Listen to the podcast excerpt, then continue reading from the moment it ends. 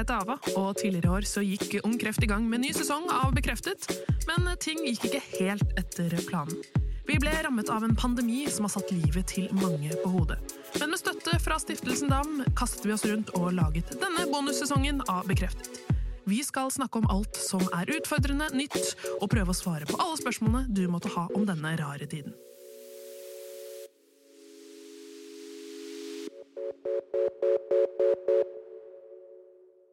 Er mange som kjenner at de kanskje begynner å bli litt lei av den de bor sammen med akkurat nå. Men hva skjer når den ene er kreftrammet? Vi har snakket med Andrea, som i høst fikk trippel negativt brystkreft, og hennes samboer Marie om hvordan de har taklet både kreft og den unntakstilstanden vi befinner oss i. Da har jeg fått besøk av Marie og Andrea. Velkommen. Tusen takk. Tusen takk. Kan ikke dere fortelle litt uh, om dere selv?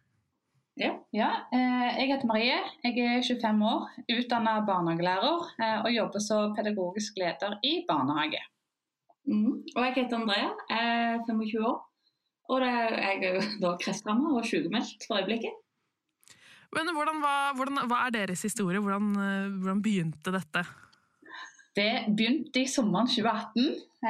vi starta rett og slett med et lite avstandsforhold så varte det et år, eh, og det gikk jo kjempefint. Eh, og så flytta vi sammen i 2019, sommerferien der. Eh, og vi starta liksom innflyttinga med en tur til Oslo på Pride. Og hadde planer om å reise rundt og kose oss i lag og nyte endelig å være i samme by. Men så skjer det et eller annet med Andrea. Ja, Det var jo allerede den sommeren da at jeg begynte å kjenne denne kulen. Så jeg fant jo den sjøl. Eh, men vi tenkte ikke så veldig mye over det i starten. Eh, men så etter hvert så begynte jeg å kjenne mer og mer ubehag, eh, og kontakta rett og slett fastlege. Han henviste meg videre, men det ble avslått ifra sykehuset. Sa de hvorfor? Ja, jeg var for ung til at det kunne være kreft. Og de mente på at det var helt normalt. Så jeg fikk beskjed om å vente to til tre sykluser og bare komme igjen senere hvis det ikke funka. Så det var jo helt fantastisk. Ja, for det viste seg jo ikke stemme. Det stemte ikke, så den fikk jo vokse og godgjøre seg eh, ganske lenge før det ble tatt tak i. Eh, men når det til slutt ble tatt tak i, så skjedde alt veldig fort, da. Ja, for da fikk du da en, en kreftdiagnose? Yes, det gjorde jeg. Det var jo i november. 13. november fikk du trippel negativ brystkreft. Ja. Og hva, hva betyr det? Det er liksom Jeg har jo verken den genfeilen eller um, Hva er de andre tingene? Det er jo at det er trippelnegativt. Det er jo litt spesielt, da. Maks uflaks. Ja. ja. Virkelig maks uflaks. Men dere hadde jo ikke vært sammen så lenge før denne kreften rammet dere. Så, og var, skulle liksom være i nyforelsket-perioden. Hvordan har det påvirket forholdet deres? Nei, det har jo vært sykt løye, for vi ler litt av hverandre. da, for det er sånn, nå I høst har vi vært sammen i to år, og i løpet av de to årene der så har vi hatt ett år med avstandsforhold, og Andrea har vært kreftsyk i nesten et år da når den toårsdagen kommer. Så for oss er jo dette helt normalt. det, har vært, ja, det har ikke vært så mye sånn såkalt normalt forhold foreløpig?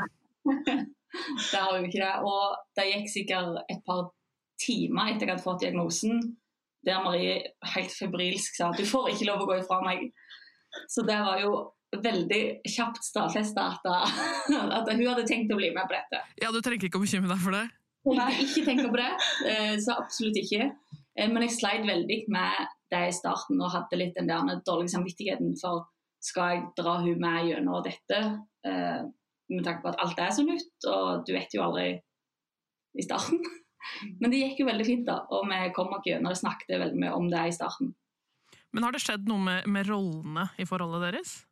Um, ja, for at uh, normalt har vi bare vært kjærester og samboere, og så plutselig fikk vi jo en pårørenderolle, og så ble det en kreftsyk rolle. Mm. Uh, og så det å på en måte finne en balanse i hverdagen rundt kur og etter kur, hvor du skal finne hvilken rolle som gjelder nå og ikke gjelder, så tok det litt tid å komme inn i det. For du vil jo i hvert fall som pårørende hjelpe med alt det du kan hele veien. Kjøre på, please og hente ting og brette sokker og uh, massere. Og, men det funker ikke i lengden. For du blir jo dritsliten, og du vil egentlig bare være kjæreste til slutt. Uh, men det som er så fint, da, vi husker å ha kjærester. Ja, hvordan, hvordan gjør dere det? Det er, jo, det er jo noen dager der vi glemmer helt ut at jeg er syk.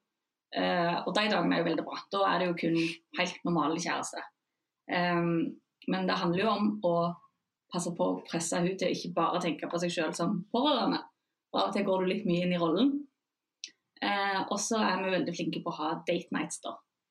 Uh, der vi setter av en dag og kun er oss to. Og hvis vi har date night, da er ikke jeg sjuk. da snakker dere ikke om det? Nei, da er det helt andre ting på agendaen og bare kos. Og Det gjorde vi jo før vi ble syke òg, så den har vi klart å holde på. Mm. Er det det som har vært det viktigste for dere for å komme dere gjennom denne perioden? Det har vært veldig viktig å kunne holde på det, ja. Eh, så absolutt. Mm. Hva, hva har vært det vanskeligste? Um, For meg, veldig i starten, eh, i og med at vi og andre ikke hadde vært sammen så veldig lenge, så syns jeg det var veldig vanskelig å vite hvordan jeg fikk lov til å reagere på dette. Eh, for sånn som Vennene hennes hadde jo kjent henne i 20 år, hun hadde jo en familie, hun har jo alle besteforeldrene sine. Eh, og så kom jeg da som et skudd fra sidelinjen og har vært i livet i ett år og tre måneder. Så var, jeg slet veldig veldig med den hva, kan, jeg, kan jeg sitte og hylgrine nå, eller skal jeg gi plass til de andre og hylgrine? Eh, Andrea reagerte jo nesten ingenting sjøl når hun fikk diagnosen. Og da var det sånn, har jeg lov til å reagere mer enn hun som er sjuk? Hva skjer nå? Eh, men det går seg veldig til. Eh, mm. og så er det òg den å huske at jeg òg har lov til å være sliten. Og det, det, er vi veldig flinke på. at Hvis begge to er kjempeslitne, så er det liksom alltid en som klarer OK, jeg er ikke så sliten. Jeg kan lage middag, og så liker vi å se på How Much Your Mother resten av dagen. det er alltid en som klarer å hente seg inn, da. Ja, fordi det jeg, er en lytter som har spurt om, er at Hvilke erfaringer har dere gjort dere for å balansere dette med overskudd og energi? Eh, jeg har jo helt ærlig gått på en del smeller når det kommer til det med overskudd og energi. For eh, som sagt, noen dager så våkner jeg og føler meg tipp topp helt frisk. Eh, og da kan jeg fort få et innfall at jeg skal støvsuge hele helgen, vaske alt og bare ta skikkelig skippertak. Uh, men da går jeg på en smell. så vi merker jo at da, vi må prøve å balansere det når de dagene kommer. Mm. men vi kan fort planlegge at f.eks. date nighten da blir spontant akkurat den dagen der jeg føler meg bra. Um, men vi prøver ikke å hive inn for mye ting når jeg føler meg fin, for at da, da, går det på en smell igjen dagen etterpå, kanskje, eller mm. Men hva er det dere har lært om hverandre, da, det siste året? Mye. Masse.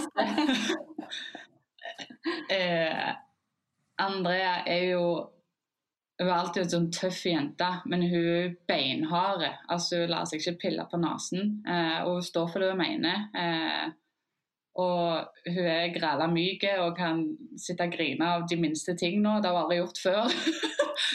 eh, og så er hun så omsorgsfull overfor meg og alle andre, selv om det er hun som er syk. Og så tar hun seg tid til å høre på hva de andre har å tenke om dette, og hvordan de føler. Eh, og så er det de som sitter og sier, men det er hun som sitter og opplever alt og ifra innerst inne. Så hun har alltid tid til alle andre, og veldig mye tid til meg. Og om hun er kjempedårlig, ligger rett ut i senga og låger der hele dagen når jeg kommer hjem fra jobb, så spør hun alltid 'Hvordan gikk det på jobb i dag, Marie?' og det er litt deilig. Jeg har jo lært veldig mye om Maria, og hun er en veldig god person å stå med i en krise. Uh, hun er veldig løsningsorientert, kan du si. Det er liksom ingenting som er et problem for Marie. Ting løser seg alltid. Vi skal klare å ordne det til slutt. Så det er veldig, hun er veldig beinhard, hun òg, rett og slett. Men det høres ut som humor også har vært ganske viktig for dere to. Hvor viktig har det vært? Og, eh, nei, det gikk ikke lenge før vi begynte med galgenhumor på det. Og vi har jo fått litt løgne blikk, for du snakker ikke sånn om det. Men eh, det, blir Hvis du ikke kan ha litt humor på det, så blir det jo så forbanna trist. Eh, at det og Andrea har jo sånn chemobrain, så hun kommer jo med mange sånn gullkorn av og til. sant? Ja. Vi satt i en biltur, skulle på butikken, og så hadde hun sittet liksom den gule Mega, den nei, Priksen, den grønne Mega, den blå Obsen. Hun husker ikke hva den røde butikken var. Og lenge. Og så sier jeg sånn Vi skal ikke bare gå på ekstra. Hun bare Ekstra, ja! Det var det det het! og så I går tror jeg hun brukte fem minutter på å lete etter Lipsylen sin og kom inn og bare Marie, hvor er den? Jeg bare Har du sett i jakken? Å ja, det var den jo. sant? Altså, det har vært, ja, det har vært mange gullkorn og sånne skulle jeg si sånn Paradise quotes som bare kommer ut sånn som de skulle. Så jeg kjenner jo litt på det. Det er jo en, en, ny utfordring at du av og til føler deg litt dum. når folk stiller et helt normalt spørsmål, og så bare stopper hjernen litt opp. Så det er jeg ikke vant med. Men det kan jo bli gøy hvis du bare ser på det med en humoristisk sans. Men vi, vi, har jo vært litt inne på det, men hvordan har, eh, det er sikkert mange som pårørende som lurer liksom på hvordan den opplevelsen er. Det er en virkelig ut av deg sjæl-opplevelse. Eh, du forstår egentlig ikke hva som skjer. Eh, og jeg tror ikke jeg egentlig har forstått hva som skjer før dette her egentlig er over. For det er bare Ting går av seg sjøl til slutt. Alt blir en rutine. Det er jo kjempeskummelt i starten. og liksom hva har jeg lov til å være med på, um, og hva skal jeg gjøre, hva skjer nå?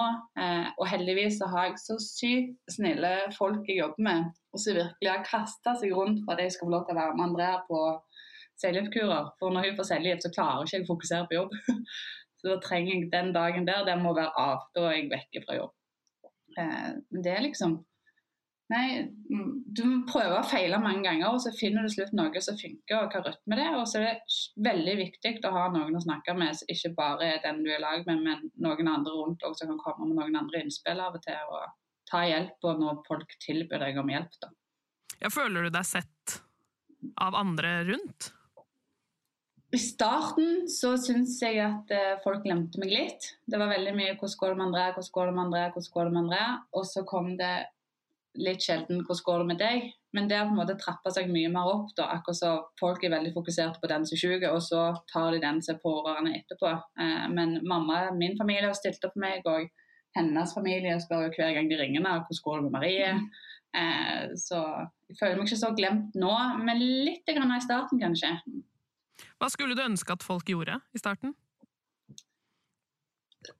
Kanskje at de spurte når de da spurte hvordan det gikk med Andrea, at de òg tok og spurte hvordan det gikk med meg, og ikke alltid tok og spurte hvordan går det med dere.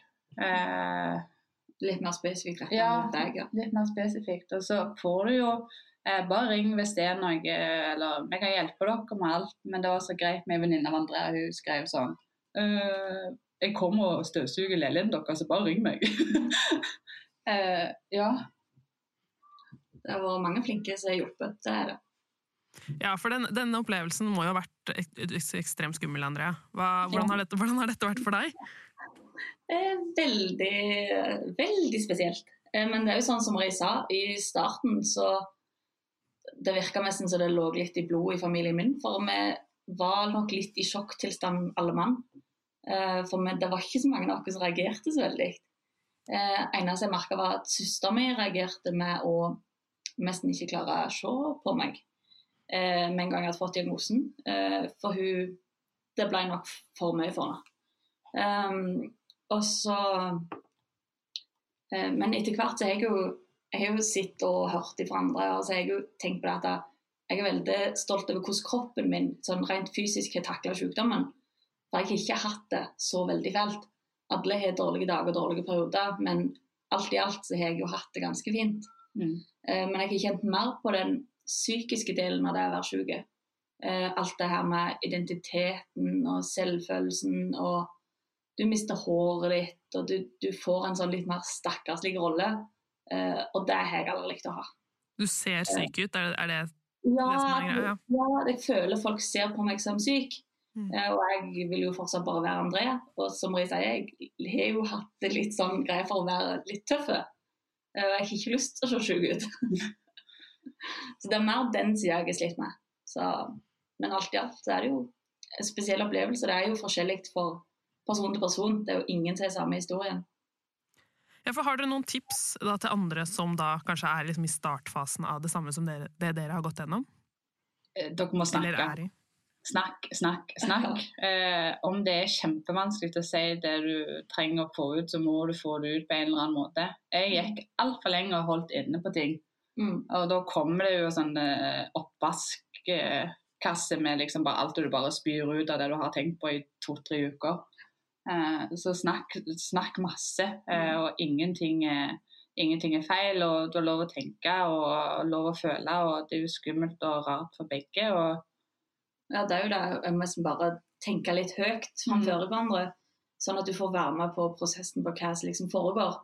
Eh, For det kan være, sånn som Marie i starten, kunne være veldig vanskelig å lese på henne, for at hun får et veldig skjold eh, opp når det er ting som er litt vanskelig. Og da må liksom grave litt, og vi fant jo ut at vi måtte jo bare kommunisere om alt, selv om det var helt forferdelig. Og det kunne være noen veldig tårefulle samtaler, men det er godt etterpå, da. Da har du liksom fått rensa opp litt.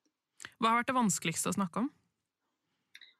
Um, det er jo de litt vanskelige, de litt såre temaene som liksom er det vanskeligste. Eh, og så var det jo dette her i starten, så var det jo veldig sårt med at alt var så nytt i forholdet. Så det var jo dette her med samvittigheten min overfor Marie. Eh, og så er det jo med ja, selvtillit og alt rundt intimitet og sånne ting som er litt sårt. Og der tror jeg det er veldig mange som kjenner seg igjen i. Økonomi òg blir plutselig veldig sårt i det hele. Mm. Du sitter igjen med en som på en måte på vårt alder, en som jobber 100 og en som jobber er hva heter det noe? Sykemeldt. sykemelde. Eh, og da kan du plutselig sitte der og ha det sånn, den er litt sånn småang for økonomien òg, og det er ikke så kjekt å snakke om penger. Eh, så er det liksom Og så føler du jo litt på det når vi er eh, Vi er jo 25 år begge to, og vi kjenner jo på at vennene rundt dere eh, liksom etablerer seg og sparer og liksom har det veldig godt, og vi står litt fast, føler vi. Livet er satt på vent. Ja, livet er veldig satt på vent. Står liksom og stanger litt i veggen. Ja, for det var jo i den perioden der man på en måte fortsatt later som man liker ting. eh, og Ja. Du er veldig eh, med på alt. Og... det må ha gått fort over.